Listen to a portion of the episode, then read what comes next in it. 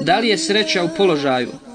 Možda su sretni ljudi, oni na visokom položaju, kao presjednici, ministri i ostali.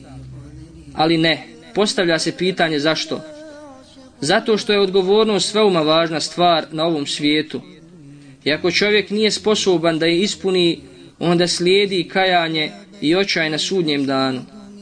Onaj ko je na visokom položaju ili vlasti, u stalnoj brizi, bojeći se da je ne izgubi. A ako je izgubi, a to se jednom mora desiti, ostatak života provede u očajanju. Položaj može biti i uzrok čovjekove propasti. Često oni koji su na visokom položaju budu osramoćeni nakon što se otkrije da su učestvali u nekoj aferi i korupciji vlasti, pa do kraja života u narodu slove za lopove.